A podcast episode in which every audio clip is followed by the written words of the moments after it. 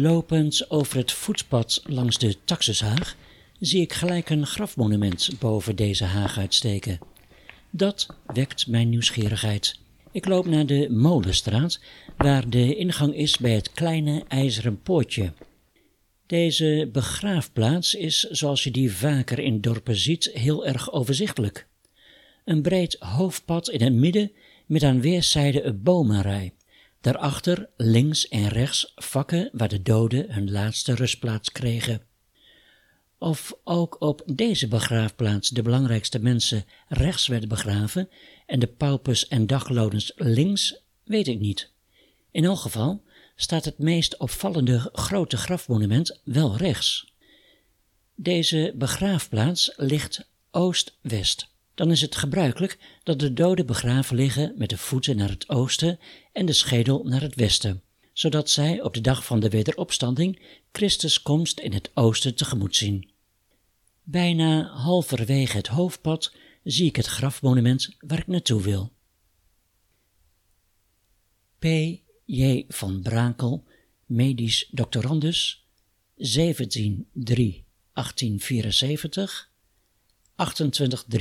28-3-1934. Ter gedachtenis aan zijn geneeskundige praktijk 1903-1934. Zijn overlijden maakte diepe indruk in het dorp. Niet raar, want hij had meer dan dertig jaar zijn gaven en krachten aan de bevolking van Den Ham gegeven. Van Brakel was gemakkelijk in de omgang met mensen, ongeacht rang en stand. Na de rouwdienst werd hij onder een ongekend grote belangstelling hier begraven op dinsdagmiddag 3 april. De weg naar de begraafplaats stond aan beide kanten zwart van de mensen, ook hier bij het graf. De volstoet was wel 500 meter lang. Naar schatting waren ongeveer 2000 mensen uit Den Ham, Framshoop en Dalen aanwezig. Onder hen het college van BNW, de hele gemeenteraad en de besturen van het Groene Kruis en het Volksonderwijs. De plaatselijke zangvereniging Crescendo volgde met omvloerst vaandel. Verder vertegenwoordigers van het Algemene Ziekenfonds Framshoop en Omstreken, van de coöperatie De Volharding en van Turfstroosel fabriek Trio. Niet eerder was in de Ham de belangstelling bij een begrafenis zo groot als toen. Een bekwame dokter en een geliefd mens was immers heen gegaan. Maar liefst 43 kransen en bloemstukken dekten de lijkbaar en waren op een beklede wagen van de zuivelfabriek geladen. Als bijzonder mooie kransen vielen op die van de zangvereniging, van het Algemeen Ziekenfonds en van Trio. Ook waren er prachtige bloemstukken van verschillende dankbare patiënten. Hier, bij het graf, sprak de heer Beukenkamp als burgemeester en als voorzitter van de afdeling van het Groene Kruis. Hij herdacht treffend de verdiensten van Van Brakel, vooral als een voor de armen zeer gevoelens mens. Directeur Postumus sprak namens het bestuur van de stoomzuivelfabriek. Pieter Johannes van Brakel werd in 1874 in Saltbommel geboren. Na zijn artsenopleiding solliciteerde hij naar een vacature in Den Ham. In 1903 benoemde de gemeenteraad hem tot gemeente geneesheer. De 29-jarige Van Brakel ging wonen in Hotel Bedman aan de Brinkstraat en hij hield er ook zijn praktijk. Hier leerde hij zijn vrouw Sintje Meijerink uit Gramsbergen kennen. Zij was een nicht van hoteleigenaar Bedman en ze woonde jarenlang bij haar oom en tante in en werkte als hulp in het hotel. De Brinkstraat was destijds de belangrijkste en drukste straat van het dorp, want al het doorgaande verkeer van Zwolle naar Almelo maakte er gebruik van. Hotel Bedman was als eerste in de gemeente een erkend bondshotel. Voor geboorte- en huwelijksaangifte moest men in het schuin tegenover gelegen gemeentehuis zijn, maar het was heel gebruikelijk dat na zo'n feestelijke aangifte door de aangever en de ambtenaar van de burgerlijke stand een borrel bij Bedman werd gedronken. Van Brakel was vanaf dag één erg geliefd in het dorp en in de omliggende buurtschappen. Een jaar nadat hij zich in Den Ham vestigde, bood men hem een geschenk aan, als blijk van erkentelijkheid dat hij heeft afgezien van zijn voornemen om zich in een andere gemeente te vestigen. Van Brakel deed de genees-, heel- en verloskundige armenpraktijk, de doodschouw en de vaccinatie. Het vaccineren tegen pokken was een van zijn veel voorkomende behandelingen. De gevaccineerden werden genoteerd in het gemeentelijk vaccinatieboek. In 1907 meldde hij zich aan als lid van de artsenvereniging afdeling Almelo en omstreken.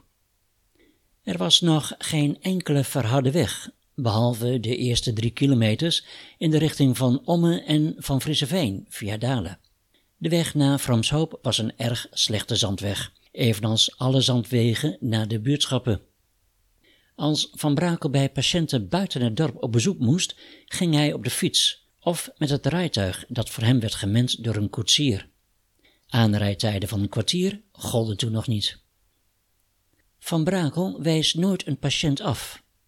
Ook stuurde hij niemand naar het college van BNW voor een zogenaamd doktersbriefje. Al zijn patiënten, rijk en arm, kregen een rekening. Wel had hij met de armen geduld.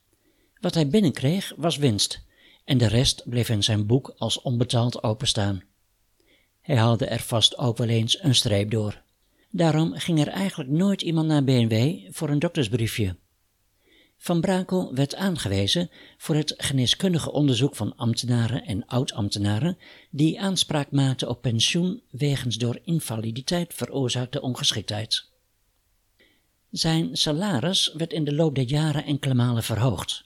Een keer met 300 gulden bij de bouw van het doktershuis en ook een keer als compensatie bij de aanschaf van paard en rijtuig.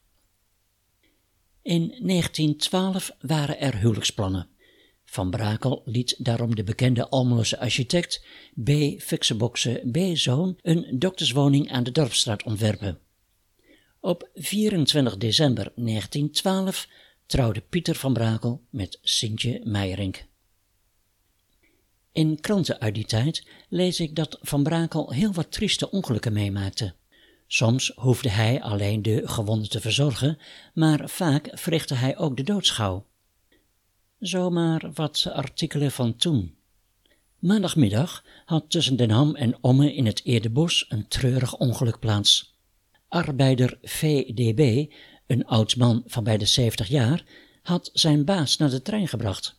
Alleen met paard en wagen terugkerende is hij, misschien door het op hol slaan van het paard, van de wagen gevallen.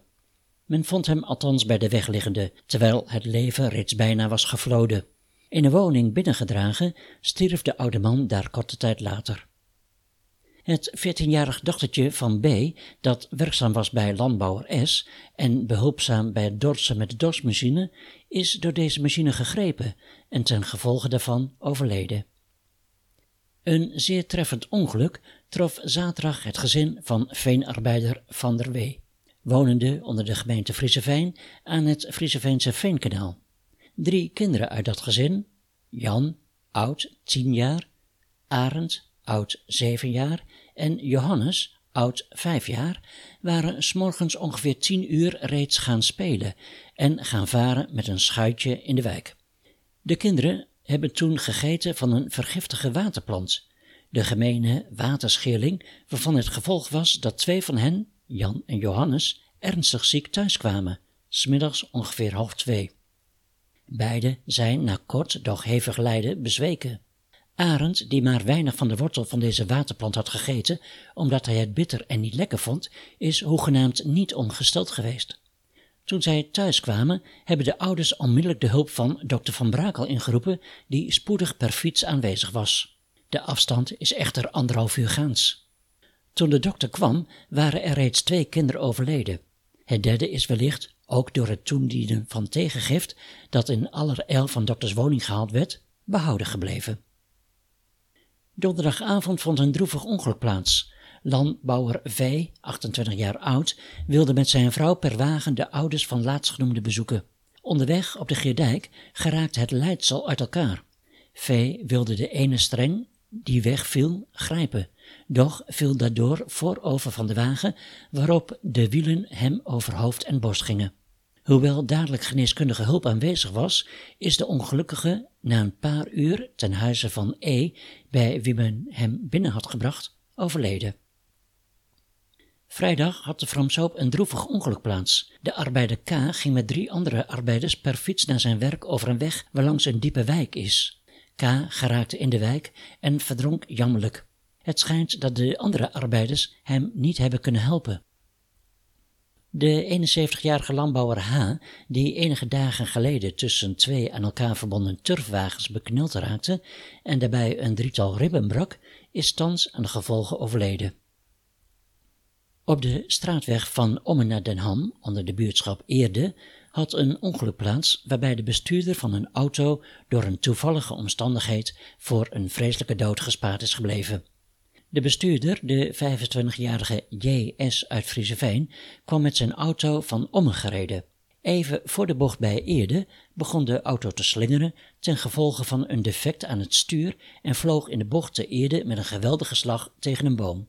De bestuurder werd eruit geslingerd en bleef bewusteloos liggen. Doch de auto reed door en botste een eind verder weer tegen een boom en vervolgens tegen een telefoonpaal waarop het benzinereservoir in brand vloog. De wagen stond onmiddellijk in volle vlam. Op dat ogenblik was niemand in de buurt aanwezig. Een tijdje later werd de chauffeur gevonden. Dokter Van Brakel, wiens hulp ingeroepen was, bevond dat de man hevig aan het hoofd bloedde en enkele kneuzingen opgelopen had, doch er overigens goed afgekomen was. Behalve huisarts was Van Brakel ook een succesvol ondernemer. Heel bijzonder. Samen met kastelein Kleijsen uit Vroomshoop en slager Klinkhamer uit Amsterdam richtte Van Brakel in 1910 een turfstrooiselfabriek op. Over de naam voor deze fabriek hoefde het drietal niet lang na te denken. Trio. Verdeeld over 32 aandelen begon men met een startkapitaal van 32.000 gulden. Het bedrijf vestigde zich in Framshoop, maar stond in de Frieseveense wijk. Doel van de drie mannen was om winst te behalen met het zowel in als buiten Nederland aan- en verkopen van gronden, benodigd tot het exporteren van veen. Het aan- en verkopen en fabriceren van turf en turfstrooisel, het in cultuur brengen van afgeveende gronden en met het nemen van aandelen in vennootschappen, zowel in als buiten Nederland gevestigd, geheel of gedeeltelijk tot hetzelfde doel opgericht. Aan ambities ontbrak het de heren niet. Kleijzen werd directeur. Hij verkocht daarom zijn van ouds goed beklante café gelegen aan de markt op vijf minuten afstand van het station op de beste stand te Framshoop. Trio deed vaak mee bij de aanbestedingen in grote Nederlandse gemeenten, zoals Leeuwarden, om fijn turfstrooisel te leveren voor de stadsreiniging, en in Tilburg en Leiden voor de paden in de kazerne. Brandstoffenschaarste zorgde voor een piek in de turfstrooiselafzet. Verder werd turf volop gebruikt in de loopgraven op de slagvelden van de Eerste Wereldoorlog. De jaren 1915 tot en met 1918 waren zeer winstgevend. Ook was er veel vraag van de remises van padentrams, cavalerieafdelingen van het leger en andere instellingen waar veel paden werden gehouden. Turfstrooisel werd vanwege het grote absorberende vermogen en de desinfecterende werking gebruikt als vervanger van stro. Ook werden reukloze toiletten ontwikkeld op basis van turfstrooisel. De turf werd met schepen via het Veenkanaal afgevoerd. Er was export naar onder andere Engeland en Amerika. Voor de grotere schepen werd een zwaarkom gemaakt ter hoogte van de fabriek. In het telefoonboek stonden onder Framshoop vijf nummers. Turfstrooselfabriek Trio en veenderij-directeur H.E. Kleijzen had nummer 1. Na 1918 nam de betekenis van de veenderijen voor Framsoop en de Frieseveense wijk langzaam af. In de jaren 1910-1914 was er de Landbouwvereniging Framsoop en omstreken. Hier waren ook veel hammerboeren lid van. Voorzitter was burgemeester Beukenkamp. Swinters werd om en om vergaderd in Framshoop en Den Ham. Op deze vergaderingen kwam ook de melkverwerking te sprake. Veel zelfkazende boeren waren niet tevreden over de afzet van hun boter, terwijl weer anderen minder tevreden waren over de slechte uitbetalingen van het handkrachtboterfabriekje De Volharding aan de Brink. Ook al vanwege de vele veebedrijven vond men dat er een zuivelfabriek moest komen. Burgemeester Beukenkamp besprak dit onder meer met Van Brakel. Met de heer Hartges, de gemeenteraad en wethouder Middendorp werkten zij verdere plannen uit. De eerste ledenvergadering in 1914 werd massaal bezocht. De oprichting van een hammer-roombotenfabriek bleek alle reden van bestaan te hebben. De stichtingskosten van de coöperatieve stoomzuivelfabriek De Eensgezindheid werden geraamd op 30.000 gulden. Enkele weken daarna kozen de leden een definitief bestuur met onder andere Van Brakel. In 1915 werd een nieuwe fabriek geopend. In 1920 zagen de boeren uit Den Ham en omgeving steeds meer in dat het zonder een bank en een eigen aankoopvereniging niet meer ging. Steeds meer werden ze afhankelijk van plaatselijke leveranciers en geldschieters, waardoor hun vrijheid, maar bovenal hun ontwikkeling, steeds meer bij andere bevolkingsgroepen achterraakte. Vooral Van Brakel zag deze nood van de boeren en hij zette zich voor hen in. En zo werden opgericht de Coöperatieve Boerenleenbank en de Coöperatieve Vereniging Afdeling Den Ham der Overijsselse Landbouwmaatschappij tot aankoop, als mede tot verkoop van landbouwartikelen en zo nodig tot verwerking van landbouwbenodigdheden. De eerste algemene ledenvergadering was in 1920 in Hotel Bedman. Er waren 108 leden aanwezig. In de volgende algemene ledenvergadering werd besloten om een eigen opslagplaats met malerij te kopen. Hiervoor werd molen De Korenschoof met malerijgebouw en molenaarshuis aangekocht. Deze molen stond hier tegenover de ingang van de begraafplaats op de hoek Dorpstraat Molenstraat. In deze vergadering werd ook de eerste directeur benoemd. De omzet breidde zich zo snel uit dat meteen al een extra molen werd gehuurd. Dat ging vrij gemakkelijk, want Den Ham had toen drie korenmolens. In de eerste jaren werd een kantoor en een filiaal in de Smidhoek gebouwd, volledig ingericht met maalstenen en graansilo's. De Boerenleenbank kreeg een plek in het gebouw van de aankoopvereniging. Dat gebouw staat nu nog steeds hier schuin tegenover. Van Brakel was ook politiek actief. In een pagina grote advertentie in het Algemeen Handelsblad stond zijn naam samen met nog een groot aantal geneeskundigen vermeld om Bloker in 1905 aan te bevelen voor het lidmaatschap van de Tweede Kamer. Bloker was een Amsterdamse arts en wethouder die als volksgezondheidsspecialist de vrije liberalen vertegenwoordigde in de Tweede Kamer. Toen er in 1907 provinciale statenverkiezingen waren, werd Van Brakel door de vrijzinnige kiesverenigingen in Wierde en Almelo tot een van de voorlopige kandidaten gesteld. In 1923 en in 1931 zetten de kiesverenigingen Almelo en Ommen Van Brakel opnieuw op de kandidatenlijst van de liberale staatspartij de Vrijheidsbond. Ook bij de gemeenteraadsverkiezingen in 1927 liet Van Brakel zich kandidaat stellen. Hoewel hij voldoende stemmen kreeg, nam hij zijn benoeming toch niet aan.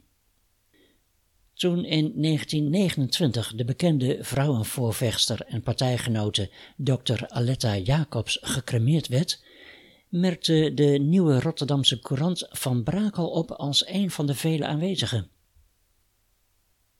In 1928 vierde Dr. Van Brakel zijn 25-jarig jubileum.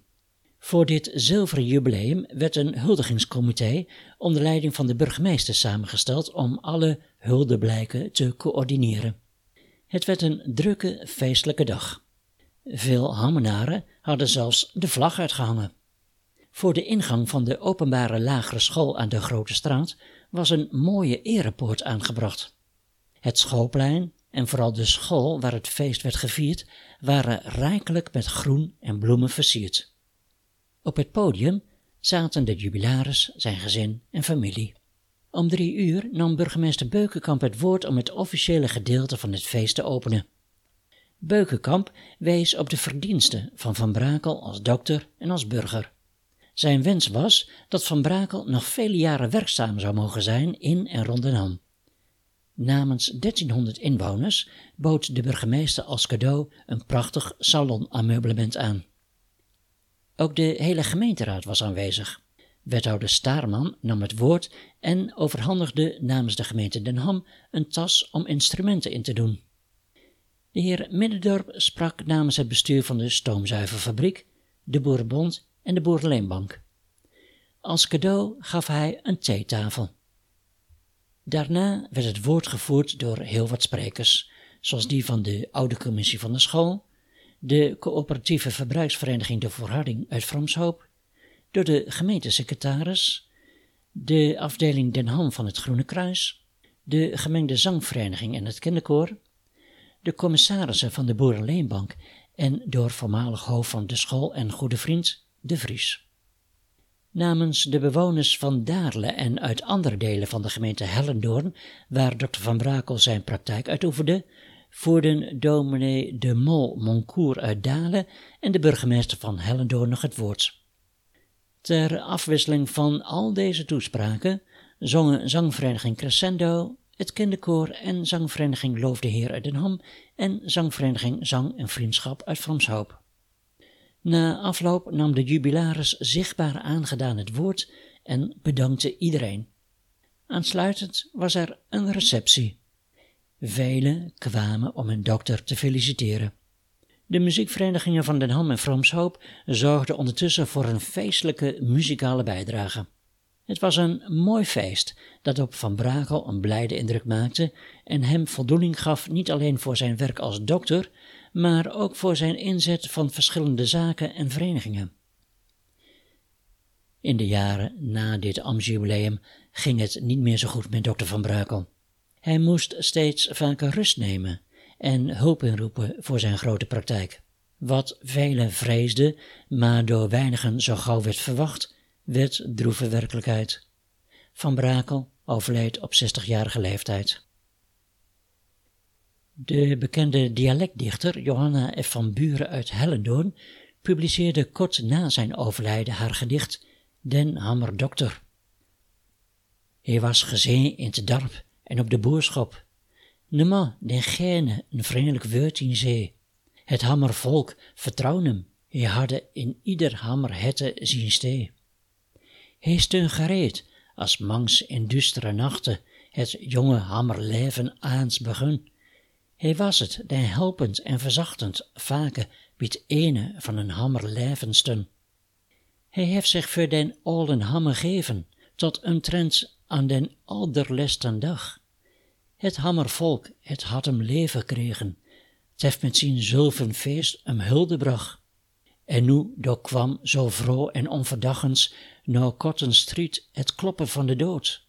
Nu treurt het hammervolk hem zien dokter, nu is de droefheid in het dorpje nog groot. En aan zijn huis is dankbaar volke kum, om onze dokter eenmaal nog te zien. En langs zijn lik met weemoed in eer hette, deen ze de leste grootnissen, één voor één. En nu, al liggen op het stille karkhof, zien no gedachtenissen bleef bestaan, want in het hammer hette steeds geschreven, hij had ons leef, hij heeft ons wel. Enkele maanden na het overlijden van Dr. van Brakel werd in de zomer van 1934 dit grafmonument onthuld. Dat gebeurde in aanwezigheid van honderden belangstellenden, waaronder de burgemeester, raadsleden, predikanten en ambtenaren. Ze hadden namelijk allemaal meebetaald aan dit fraai afgewerkte grafmonument van ruim twee meter hoog en geplaatst op een vierhoekig voetstuk. Namens het comité deed de gereformeerde dominee Meuleman de overdracht van het grafmonument aan de familie. Daarbij gaf hij de familie een vrij album met zo'n 1200 namen van hen die in de kosten hadden bijgedragen. Namens de familie werd het monument met album aanvaard. In Den Ham bestond crowdfunding al in 1934.